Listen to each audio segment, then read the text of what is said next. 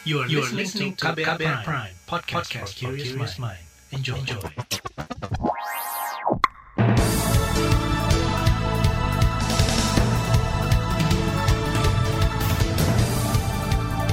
Selamat pagi saudara, senang sekali kami bisa menjumpai Anda kembali melalui program Buletin Pagi edisi Senin 21 Juni 2021 bersama saya Fitri Anggreni. Kami siapkan sejumlah informasi pilihan untuk memulai pagi Anda. Di antaranya, kondisi sudah lampu merah, sejumlah pakar minta pembatasan wilayah. 10 juta dosis vaksin tahap ke-17 tiba di Indonesia. Kasus COVID-19 di DKI cetak rekor tertinggi 4 hari berturut-turut. Terbaru di Buletin Pagi. Satgas Penanganan COVID-19 menilai kondisi kenaikan kasus COVID-19 di Indonesia sangat mengkhawatirkan. Ketua Bidang Data dan Teknologi Informasi Satgas COVID-19, Dewi Nur Aisyah mengatakan, kondisi kenaikan kasus tak menunjukkan tren membaik seusai momen lebaran. Dalam sepekan terakhir terjadi kenaikan kasus aktif di 23 provinsi. Jadi kalau kita lihat dalam waktu 16 hari terakhir mulai terjadi kenaikan terus-menerus sejak tanggal 3 Juni sampai 19 Juni dengan kenaikan 41.300 kasus aktif atau kenaikan sebesar 43,7 persen. Dari 94.000 saat ini jumlah kasus aktif kita sudah mencapai 135.000. Dan ini adalah kondisi yang harus sama-sama kita pahami bahwa ini lampunya sudah lampu merah bagi kita semua untuk sama-sama mencari strategi pengendalian yang jauh lebih efektif kembali. Ketua Bidang Data dan Teknologi Informasi Satgas COVID-19 Devi Nur Aisyah menambahkan, tingkat keterisian rumah sakit juga naik. Angka rata-rata keterisian rumah sakit sudah mencapai 60 persen. Bahkan ada lima provinsi yang angkanya di atas 70 persen atau melampaui batas aman. Penuhnya rumah sakit juga dibarengi dengan tingginya persentase angka kematian di 12 provinsi. Kondisi itu diperparah dengan turunnya persentase angka kesembuhan di 23 provinsi. Komunitas relawan lapor COVID-19 menilai situasi pandemi di Indonesia semakin mengkhawatirkan. Inisiator lapor COVID-19 Ahmad Arif menyebut, pemerintah tak konsisten dengan kebijakan yang dikeluarkan – Misalnya, ada kementerian yang mendorong pembatasan dan protokol kesehatan, namun ada juga yang mendorong mobilitas. Intinya kami melihat bahwa tidak adanya kepemimpinan yang tegas ya, yang dan jelas gitu di tengah krisis multidisiplin ini.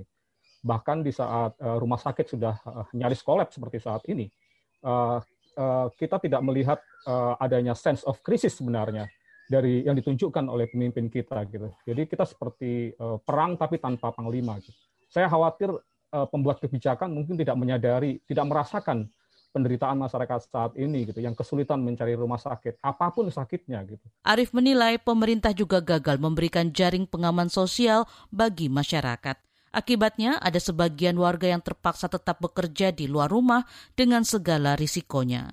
Selain itu, Arif mengatakan saat ini masyarakat menghadapi pandemi COVID-19 tanpa transparansi data, informasi, serta edukasi yang memadai soal pandemi. Persatuan Rumah Sakit seluruh Indonesia Persi menyarankan pemerintah menerapkan kembali pembatasan sosial berskala besar atau PSBB. Sekjen Persi Lia G. Pertakusuma mengatakan pembatasan perlu dilakukan di zona merah dan oranye. Kami berharap sebetulnya pemerintah menerapkan pembatasan sosial berskala besar, terutama untuk daerah merah dan orange ya, karena terus terang saja data-data menunjukkan bahwa uh, ada kalanya masyarakat ini agak susah gitu diatur untuk yang skala kecil. Skala kecil sangat baik juga, tetapi uh, butuh adanya SDM di skala kecil itu yang tegas. Sekjen Persi Lia G. Pertakusuma menambahkan perlu ada upaya untuk mengurangi penumpukan pasien ke rumah sakit, misalnya dengan memperbanyak tempat isolasi mandiri atau memperkuat sistem rujukan dengan dukungan lintas sektor. Dewan Pakar Ikatan Ahli Kesehatan Masyarakat Indonesia IAKMI Hermawan Saputra mendesak pemerintah untuk menutup akses wilayah sementara atau lockdown. Kebijakan luar biasa ini perlu diambil untuk menangani perkembangan kasus COVID-19 yang melonjak tajam akhir-akhir ini. Menurutnya, selama 15 bulan mengalami pandemi COVID-19, Indonesia memang belum memiliki kebijakan yang tegas untuk menekan penularan virus. Rasa-rasanya kalau negara kita begini-begini saja, kita tidak akan pernah keluar dari pandemi COVID. Rem, gas, rem, gas, rem, dan gas itu adalah kebijakan yang terkatung-katung yang hanya membuat kita menunda bom waktu saja karena tidak mampu memutus mata rantai COVID. Tidak mungkin kita memenangkan dua-duanya. Kesehatan kembali pulih tiba-tiba dan ekonomi kembali pulih sempurna. Itu tidak mungkin. Dewan Pakar Ikatan Ahli Kesehatan Masyarakat Indonesia, IAKMI, Hermawan Saputra mengusulkan Indonesia menerapkan pembatasan sosial berskala besar atau PSBB secara nasional atau menerapkan lockdown secara regional di pulau-pulau besar seperti Jawa, Kalimantan, dan Sumatera. Kata Hermawan, pemerintah harus memilih salah satu prioritas, kesehatan, dan ekonomi, sekaligus mendorong adanya inisiatif luar biasa dalam pengambilan kebijakan. Ahli epidemiologi dari Griffith University Australia Diki Budiman memperingatkan soal varian Delta Corona yang dikenal lebih menular serta mulai merebak di sejumlah daerah. Kata Diki, kondisi di Indonesia dirasa sudah memadai untuk menerapkan karantina wilayah. Kehadiran varian Delta yang tampaknya sudah mulai menyebar di mana-mana di Indonesia ini, maka responnya tentu sebetulnya berbasis sains untuk mencegah semakin kolapsnya. Ya, itu harusnya memang berbasis sains itu adalah melakukan pembatasan dalam bentuk apakah itu PSBB ataupun karantina wilayah. Itu berbasis regulasi kita. Ahli epidemiologi dari Griffith University Australia, Diki Budiman menambahkan, Karantina wilayah merupakan strategi tambahan dalam melandaikan kurva, mencegah perburukan kasus, dan meminimalisir penyebaran. Penerapan karantina wilayah harus juga dibarengi dengan peningkatan tes dan pelacakan kasus. Diki juga meminta pemerintah menyiapkan bantuan ke masyarakat selama penerapan karantina wilayah. Sebelumnya, Satgas Penanganan COVID-19 mencatat kasus positif COVID-19 secara nasional bertambah hampir 13 ribu kasus kemarin, sehingga jumlahnya saat ini mencapai lebih dari 1,9 juta orang terinfeksi virus corona. Informasi tentang desakan pengesahan RUU penghapusan kekerasan seksual akan hadir usai jeda. Tetaplah di Buletin Pagi KBR. You're listening to KBR Pride, podcast for curious mind. Enjoy!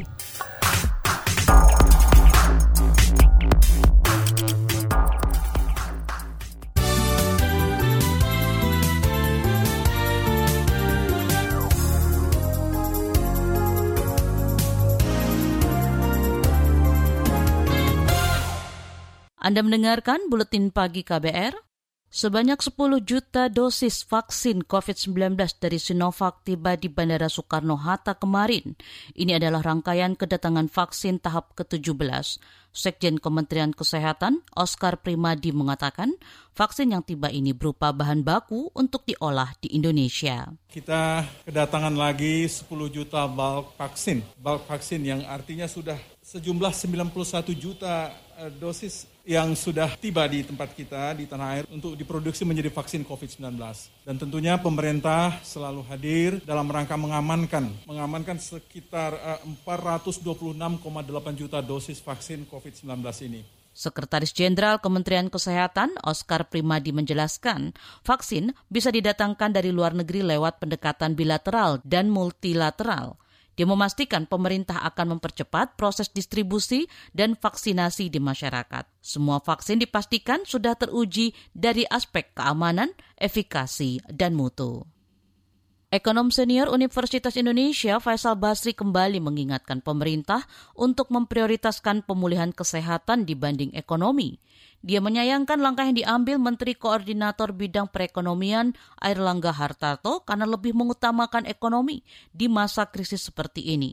Menurutnya lonjakan kasus COVID-19 yang terjadi akhir-akhir ini tidak akan selesai secara optimal jika kepentingan ekonomi lebih diutamakan. Kalau kita selesaikan tuntas sesuai dengan ilmu, sesuai dengan kompetensi, nanti panglima perangnya segala macam sampai ke bawahnya, itu niscaya ongkos ekonominya akan jauh lebih murah daripada membalik logika atau keseimbangan. Tidak ada keseimbangan. Konsepnya bukan keseimbangan, konsepnya adalah kemutlakan kesehatan diselesaikan. Ekonom senior Universitas Indonesia Faisal Basri mengatakan, sebetulnya ongkos pemulihan ekonomi akan lebih murah jika pemerintah menggunakan pendekatan ilmu kesehatan dalam menangani pandemi COVID-19. Menurutnya, lebih tepat jika pemerintah berfokus pada upaya memperoleh dana untuk penanganan kesehatan. Faisal menyebut konsensus ekonomi di seluruh dunia juga sudah menyatakan krisis kesehatan harus lebih didahulukan sebagai persyaratan pemulihan ekonomi. Pandangan ini juga telah disampaikan oleh sejumlah ahli ekonomi kepada Presiden Joko Widodo. Wakil Ketua DPR RI Sufmi Dasko Ahmad meminta pemerintah mengalihfungsikan asrama haji Pondok Gede Jakarta sebagai tempat isolasi dan perawatan pasien COVID-19 untuk sementara waktu. Ini sebagai bentuk antisipasi agar pasien COVID-19 tetap dapat ditangani di tengah naiknya kasus dalam beberapa hari terakhir. Dikutip dari Antara, Dasko mengatakan saat ini sejumlah rumah sakit dan tempat isolasi seperti Wisma Atlet Kemayoran mengalami lonjakan pasien. Pernyataan Dasko tersebut merespon rencana pemerintah yang akan menambah tempat isolasi apabila Wisma Atlet Kemayoran dan sejumlah rumah sakit tidak lagi mampu menangani pasien COVID-19. Badan Legislasi, Balik DPR mendorong RUU penghapusan kekerasan seksual segera disahkan menjadi undang-undang. Anggota Balik DPR Nurul Arifin menyebut RUU PKS mendesak untuk disahkan sebab mengatur secara komprehensif mengenai kekerasan seksual. Kami membaca draft RUU-nya ini memang sangat komprehensif ya. Walaupun tadi dari FGD ini juga ada masukan-masukan yang perlu dimasukkan ke dalam pasal, itu akan kami masuk uh, bahas nanti di panjanya begitu. Dan kalau dari kepentingan adanya RU ini untuk segera diluncurkan, menurut pendapat kami sih memang ini harus disegerakan karena untuk uh, menutup ruang-ruang yang kosong terhadap perilaku kejahatan ataupun kekerasan seksual begitu. Sementara itu anggota balik lainnya Firman Subagio menilai RUU PKS bisa menjadi undang-undang lex spesialis atau undang-undang yang bersifat khusus. Dia menyebut dari waktu ke waktu kekerasan seksual baik terhadap anak di bawah umur maupun usia dewasa jumlahnya terus meningkat berkali-kali lipat. Oleh karena itu, kata dia, RUU PKS jadi kebutuhan hukum yang mesti segera diundangkan. Kementerian Kelautan dan Perikanan KKP telah resmi melarang ekspor benih-bening lobster melalui Peraturan Menteri Kelautan dan Perikanan Permen KP nomor 17 tahun 2017. Meski begitu, Sekretaris Jenderal KKP Antam November mengungkapkan penangkapan benih-bening lobster di alam masih dibolehkan. Dalam keterangan tertulisnya kemarin, Sekjen KKP Antam November menyebut jumlah tangkapan serta tingkat pemanfaatan sumber daya ikan sudah ditetapkan Menteri sesuai masukan dari Komisi Nasional Pengkajian Sumber Daya Ikan. Penangkapan benih-bening lobster di alam hanya dapat dilakukan oleh nelayan kecil yang terdaftar dalam kelompok nelayan di lokasi penangkapan yang telah ditetapkan. Proses penangkapannya juga wajib memakai alat penangkapan ikan yang sifatnya pasif dan ramah lingkungan demi menjaga ekosistem laut. Badan Meteorologi, Klimatologi, dan Geofisika BMKG memperkirakan hujan lebat berpotensi terjadi di beberapa provinsi di Indonesia, termasuk wilayah di Sumatera, Jawa, Kalimantan, dan Sulawesi. Dikutip dari situs BMKG Minggu, model filter spatial Medan Julian Oscillation atau MJO pada 20 hingga 21 Juni 2021 menemukan gangguan fenomena MJO diperkirakan terdapat di beberapa wilayah seperti perairan barat daya Lampung, Selat Sunda, Laut Jawa, DKI Jakarta, perairan selatan Jawa NTT, pesisir Kalimantan Tengah Selatan, Laut Flores, dan beberapa wilayah lainnya. Selain itu, daerah pertemuan angin juga terpantau di Sumatera Selatan hingga Selat Karimata. Kondisi-kondisi tersebut dapat meningkatkan potensi pertumbuhan awan hujan di sekitar sirkulasi siklonik dan di sepanjang daerah konvergensi dan konfluensi itu. BMKG memperkirakan wilayah yang berpotensi mengalami hujan lebat dengan intensitas di atas 50 mm pada hari ini adalah Aceh, Sumatera Utara, Sumatera Barat, Bengkulu, Sumatera Selatan, Lampung, Jawa Barat, Jawa Tengah, Jawa Timur, dan Bali. Kita ke mancanegara, Korea Selatan akan melonggarkan aturan jarak sosial dan mengizinkan pertemuan pribadi hingga enam orang di wilayah Seoul mulai 1 Juli. Dengan demikian, restoran, tempat hiburan malam, dan kafe bisa buka sampai tengah malam. Sebelumnya hanya boleh buka sampai jam 10 malam. Menteri Kesehatan Kondok Chol mengatakan kebijakan baru ini keluar untuk menyeimbangkan proses karantina dan pemulihan kehidupan sehari-hari di tengah pandemi. Dikutip dari antara Korea Selatan melaporkan 400-an infeksi baru pada Sabtu pekan lalu. Sementara Badan Pengendalian dan Pencegahan Penyakit Korea melaporkan jumlah kematian di negara itu mencapai 2.002 orang. Kita ke berita olahraga. Mark Marquez menang MotoGP Jerman 2021 setelah mengalahkan Miguel Oliveira pada balap di sirkuit Sachsenring pada hari Minggu kemarin. Marquez memulai start dengan sempurna, memimpin sejak lap kedua dan akhirnya unggul atas Oliveira di lap ke-13. Marquez akhirnya menang MotoGP Jerman 2021 dengan mengalahkan Oliveira. Podium ketiga direbut Quartararo. Dikutip dari CNN, Marquez adalah juara bertahan MotoGP Jerman tahun 2013 hingga 2019. Saudara, sesaat lagi kami akan hadirkan Saga KBR, tetaplah di Buletin Pagi. You're listening to KBR Pride, podcast for curious mind. Enjoy!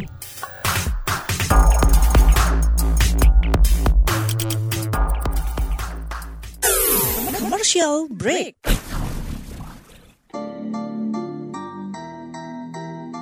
Come on yo, buat yang sukanya berhoax, you better listen to this one. Check this one out yo. Hati-hati kalau baca kabar. Hoax, Jangan langsung disebar kabar yang hoax, Kalau mau tahu kabar benar atau hoax, Dengerin cek fakta yang pasti bukan hoax, Dengerinnya setiap Senin yang jelas bukan hoax. Cuma ada di kbrprime.id. Dan aplikasi podcast lainnya hoax, Sudah cukup-cukup hoaxnya? hoax. Cukup Jaga emosi, tahan jari, verifikasi sebelum dibagi. Saya Aribo Sasmito, Ketua Komite Pemeriksa Fakta Mafindo. KBR Prime, podcast for curious mind.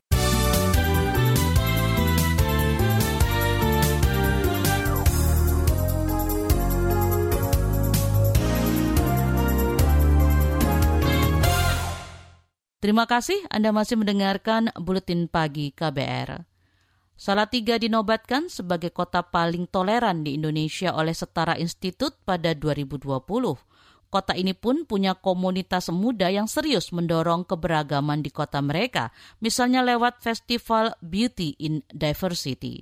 Seperti apa keberagaman dirasakan dan dijalankan di sana? Jurnalis KBR Ken Fitriani menyusun kisahnya.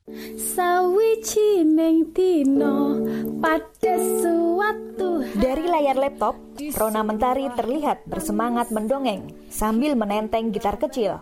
Ia tetap fasih bercerita, meski tak bisa berinteraksi langsung dengan ratusan anak yang mendengarkan.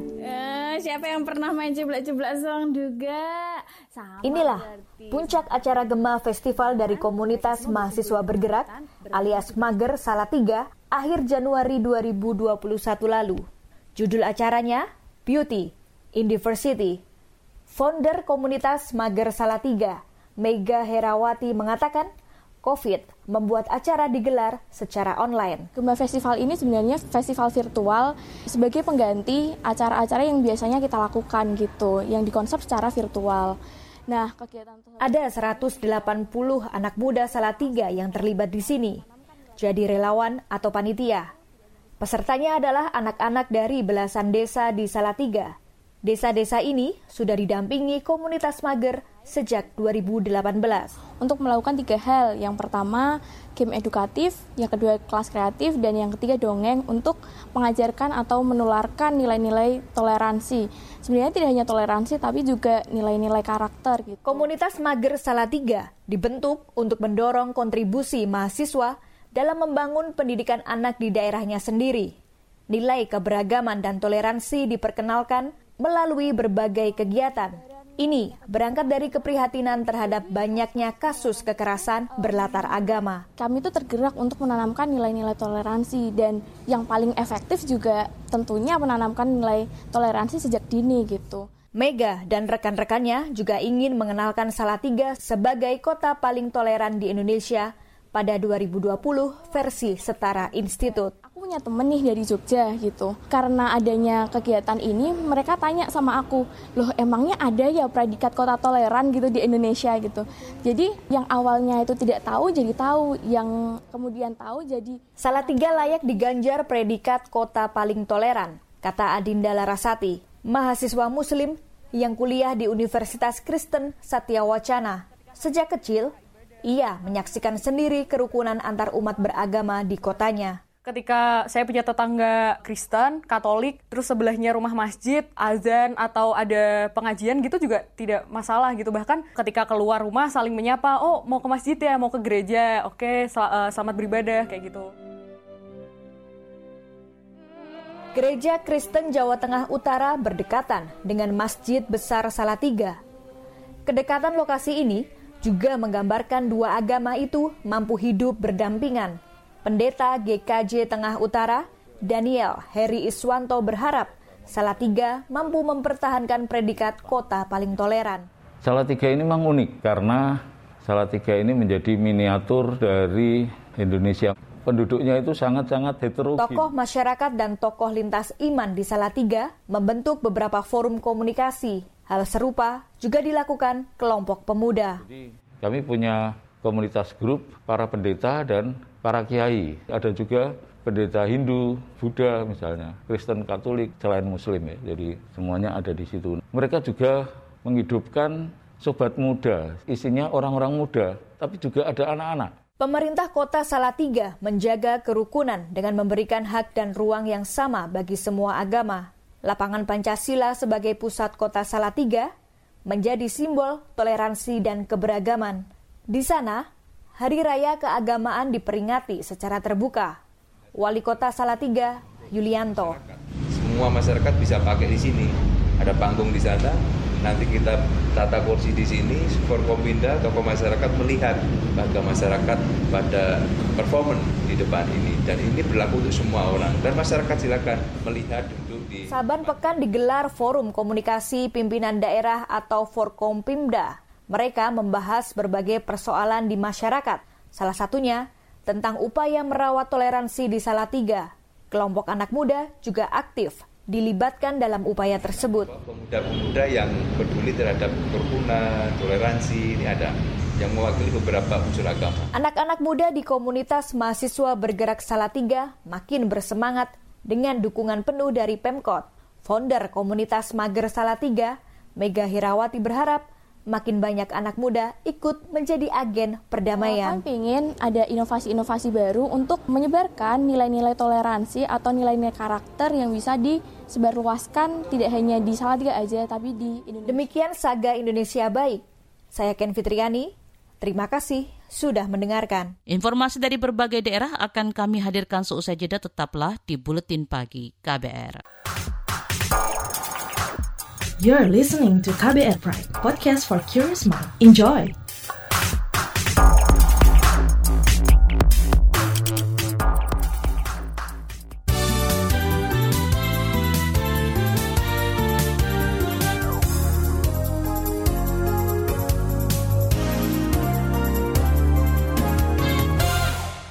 Inilah bagian akhir dari Buletin Pagi KBR. Penambahan kasus COVID-19 di DKI Jakarta kembali pecah rekor kemarin. Data Satgas COVID-19 mencatat penambahan di DKI Jakarta sebanyak lebih dari 5.500 kasus baru. Ini menjadi rekor kasus baru selama empat hari beruntun. Kepala Bidang Pencegahan dan Pengendalian Penyakit Dinas Kesehatan Jakarta, Dwi Oktavia mengatakan, lonjakan kasus ini adalah imbas dari mudik lebaran Masyarakat juga dianggap mulai lengah pada protokol kesehatan dan kerap pergi keluar rumah. Penambahan kasus harian tercatat sebanyak 13 ribuan kasus. total kasus positif COVID di Indonesia menjadi 1,9 juta kasus lebih. Gubernur DIY Sri Sultan Hamengkubuwono X hari ini akan menggelar rapat untuk mematangkan rencana lockdown atau penguncian wilayah total. Hal ini akan dilakukan mengingat penularan COVID-19 di Yogyakarta melonjak tinggi dalam beberapa hari terakhir. Menurut Sultan, lockdown adalah pilihan terakhir. Karena kita kan sudah sudah bicara ngontrol di RT RW. Kalau gagal, terlalu apa meneh. Gitu loh kita nggak bisa belum tentu bisa cari jalan keluar ya satu cara ya lockdown totally kan gitu Menurut Sultan, kapasitas keterisian tempat tidur di rumah sakit juga sudah mencapai 75 persen. Selama ini DIY sudah menerapkan pemberlakuan pembatasan kegiatan masyarakat PPKM berskala mikro, namun dinilai belum optimal. Informasi tadi saudara menutup jumpa kita di Buletin Pagi hari ini. Pantau juga informasi terbaru melalui kabar baru, situs kbr.id, Twitter kami di akun @beritaKBR. Dengarkan podcast Buletin Pagi di kbrprime.id, Spotify, dan lainnya. Akhirnya saya Fitri Anggreni bersama tim yang bertugas undur diri. Salam.